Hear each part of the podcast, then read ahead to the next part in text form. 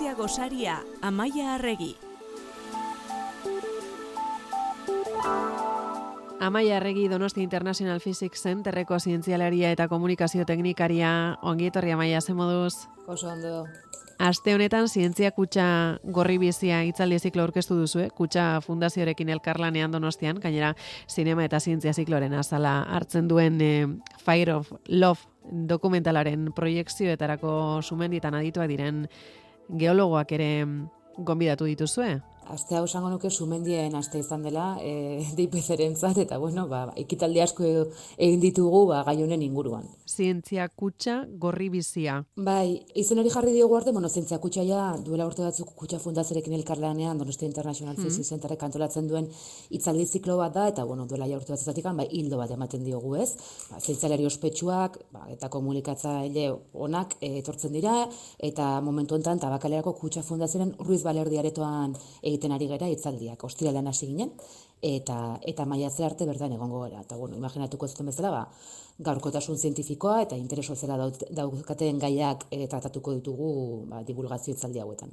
E, azkenengoz, e, gen bidaiaria izan zen zikloaren hildoa, oraingoan gorri bizia deitu diozue. Bai, jenbidaia eria gaina e, kariñon gerekin egin genuen izaldi ziklo bat izan zen, justo pandemiaren ondoren, eta saiatu ginen, ba, bueno, laborategietatik kanpo iduten zentzelarekin e, zezer egitera, ez? Esploratzaiagoa diren e, zentzelariekin. Horen gortan, itzaldi zikloaren hildoa gorri bizia da, bai zegoelako gorria, kolore gorriak aman komunean itzaldi guzti duten elementu bat dela, ez? Kolore gorria aktibazio neuronal nabarmena eragiten duen kolore bat da, beste kolore batzuekin konparatuz, denok antzeman dugu hori, pertsona bat tek Espainia gorria jartzen dituenean, edo gorriz jazten denean, eta e, efektu hori naturako hainbat elementutan eta ezagutza zientifikoko arlo ezberdinetan ere islatzen da.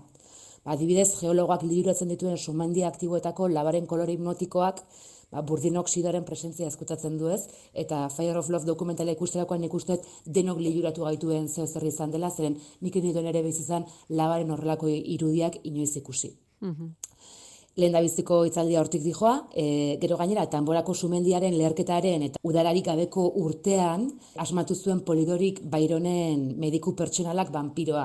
Tamborako leherketa pentsatzen da izan dela, bueno, nidakeana, erregistratu den e, leherketarik handiena, e, Indonesiako sumendio, e, sumendi bat da, eta bueno, ba, arren eraginez, ba, e, zerua estali zen, eta udara hartan oso oso temperatura bajoak erregistratu ziren. Horregatik, ba, bueno, udara hortatik erdi esian edo, ba, Marixeli eta eskapatu ziren, da suizera jontzian, eta orduan sortu ziren Frankenstein eta vampiroaren irudia ere. Vampiroarekin jarraituz, e, pertsonaia honek gogotik edan du odolaren mistikatik eta gorriaren bestikono nagusietako batetik, odo, e, odolerik alegia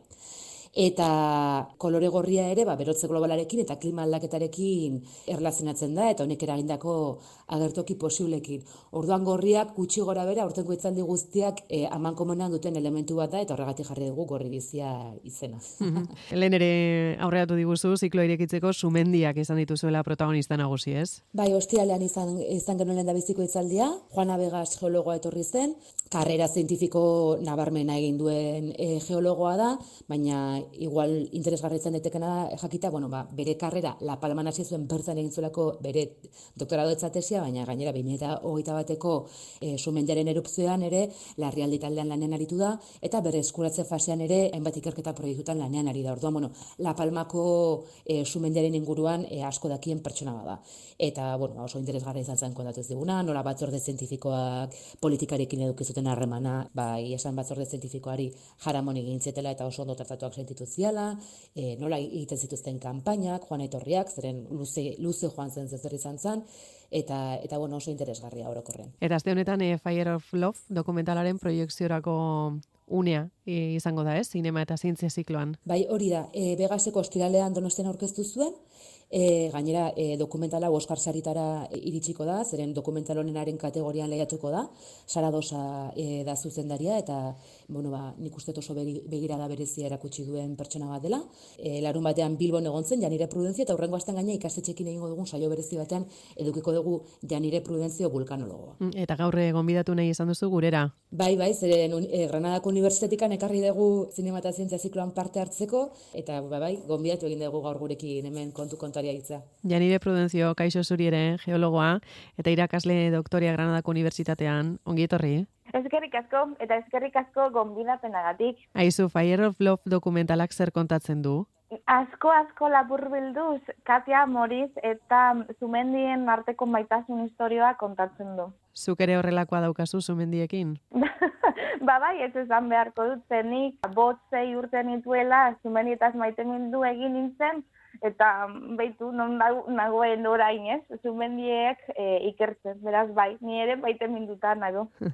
Hogei Zumendi aktibo baino gehiagotan e, lan egin duzu, Mauriz eta, eta Katia bezala. E, beraiek ba ehun erupzio eta zumendi gehiagotan ibili ziren, baina ba hori, ni Japonian, Antartidan, Estatu Batuetan, Italian, Islandean, egon naiz, beraz, e, oso pozik, ze txikitatik hori egin nahi nuen, beraz. Eta esaten duzunan bos urterekin jakin zenuela, baina nola liburuetan, dokumentalekin, zeren hemen ez e, dago sumendirik. Ba ez dakit nola eta zergatik, baina nik uste, ba, liburutan eta dokumentaletan ikusi nituela sumendiei buruzko irudiak eta bideoak, eta jo, ba, ezke lilduratuta geratu nintzen, eta oso argi neukan, ni handia naizenean zumendiak ikertu nahi ditut esaten nuen. Janire egin diren aurkikuntza guztietatik, asko egin direlako sumendien inguruan, zein da zuretzat bitxiena? Nik uste izan zela barneko egiturak lortzen hasi zirenean, ez? E, tomografiaren bidez. E, lurreko geruzak eta bar, marneko egitura ba, atera ziren moduan, ez? Ezin dugu zumendien barruko ezer ikusi, ez garelako gai. Beraz, lehenengo irudi horiek ba, informazio asko eman zuten eta e, emaitzen jarraitzen dute, ez? Beraz, hori izan daiteke, ba, ba, hori, garrantzitsuen etariko bat.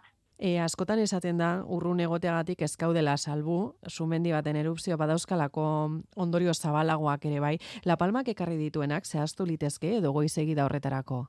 E, bueno, La Palman e, ondorioak nahiko lokalak izan dira, uh ez? Ikusi dugu nola labak ba, etxeak zuntzitu dituen, e, erupzioa zegoenean ba, Tenerifiko aireportua mm, birritan, irutan itzi zuten, baina ez dugu eh, ondorio gehiagorik izan, ez? Bera, La Palmako erupzioa mm, efektu nahiko lokalak izan ditu.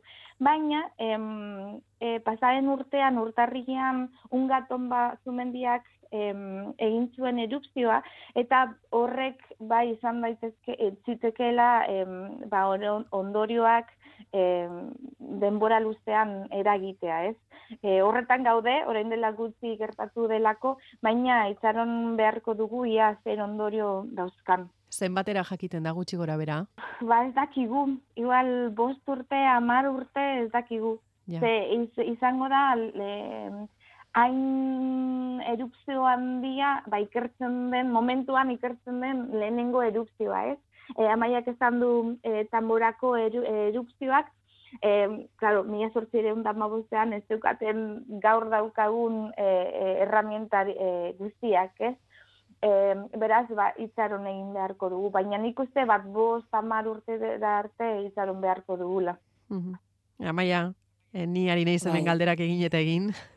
Ez dakizuk bai, ere bai, beste bai. galderarik baute daukasun. Bi gauzaren egiten komentatu, zer mm. ni Fire of Love dokumentala ikustak egia esan pixka eutzen ninduen, e, bueno, ni eta denok pixka flipatuta, ez, zen benetan berezia da, eta gomendagarria entzulentzat, eta hor momentu dago e, dokumentaldean, e, ba, bikote honi oso bizitza e, askea daramaten eta eta sumendiak, ba hori, beraien kabuz e, ikertzera dedikatzen diren bikote honi, e, esate denean baina zuek zezate geologo titiriteroak, eta eta Mamorisek erantzuten du ez gu freelance gera. Mm. eta orduan pues Janireri galtu nahiko nioke ea ea hori den geologoen ametsa, ez? Beraien kabuz nahi duten egitea, nahi duten sumendira jun eta eta naturan bizitzea. Piskat hortik, ziren badakit Janire gaina inteligentzia artifiziala erabiliz egiten duela sumendiekin lan. Bueno, ba, ez dakit, eh, ez dan bezakegun ametsa dela, ez? Em, noskinik erupzioak daudenean beti joan nahi dut erupzioak ikustera. Baina freelance modu hori, ai, ez dakit nire bizitzan e, posible izango zer, ez? Nik beti esaten dut, em, erlazio irekiagoa daukada, daukadala zumendiekin, ez? Eta zumendiak nire bizitzaren parte bat dira, baina gero nire familiare badaukat, ez? Em, beraiek bere bizitza zentratu zuten zumenitan, eta nik uste dut, ni ezin, e, ezin izango nintzela gai e, ba, hori egiteko, ez? Em, baina, bueno, nire mm, ba, alde batek bai ez ezango zuen, bazumendiak ikustea eta erupziak ikustea maitzatzen dalako, baina nik uste ezin izango nintzela gai dena usteko eta mundutik bidaiatzeko. Edo nola ere, nola baite ustartzen dituzu, ez, lana eta pasioa? Bai, bai, bai, txikitatik hori egin dut eta eta ustartzen ditut, bai. Baina ez mm, Katia eta Moristen dibelean. Amaia gogoratuko diguzu, nondik nora joango den programa datozen egunetan? Bai, hori da. Bueno, e, e, asteartan ikastetxekin janire izango dugu tabakaleran, mhm. eta arratsaldean e, zinema eta zientzia zikloren barruan ere, e, aserri dario geologoa, e, geoparketik, e, iruñera joango da, zeren bak ez dute irides da, dauzkagula ekitaldiak. Eta gero zientzia kutsa e, itzaldi, e, itzaldi sortari dagokionez, martxoaren amarrean, Jose Ramon Alonso neurobiologoa etorriko da, alde batetik Dracula orkestuko du e, zinema eta zientzia zikloan, eta entrevista con el vampiro sobre neurociencia izela duen itzaldi bat emango du. Gizona, bueno, ba, divulgatzaile bikaina, berrogeita mar e, liburu baino gehiago idatzi ditu, divulgaziozko liburu, eta blog badauka milaka, e, milaka e, sarrerekin, milioika barkatu sarrerekin, eta, bueno, bairu itzet, konexio bereziak egiteko gaiden pertsona dela, beraz, itzalde interesgarri izango da. Eta amaitzeko, maiatzaren amabian, Elisa Sainde Murieta, bezeiruko ikerlaria, ba, klima aldaketaren inguruan, ba, guzti dago larrialdia dela e, erakusteko itzaldi bat emango dugu. Ba, eskerrik asko bioi, gaurre gurekin izateagatik, jarire prudentzio, ea pasi hori zabaltzen duzun tabakaleran, Espero dut, espero dut. Eskerrik asko, eta, eta amaia zuri beste horren beste, entzungo dugu elkar. Mila eskerri der.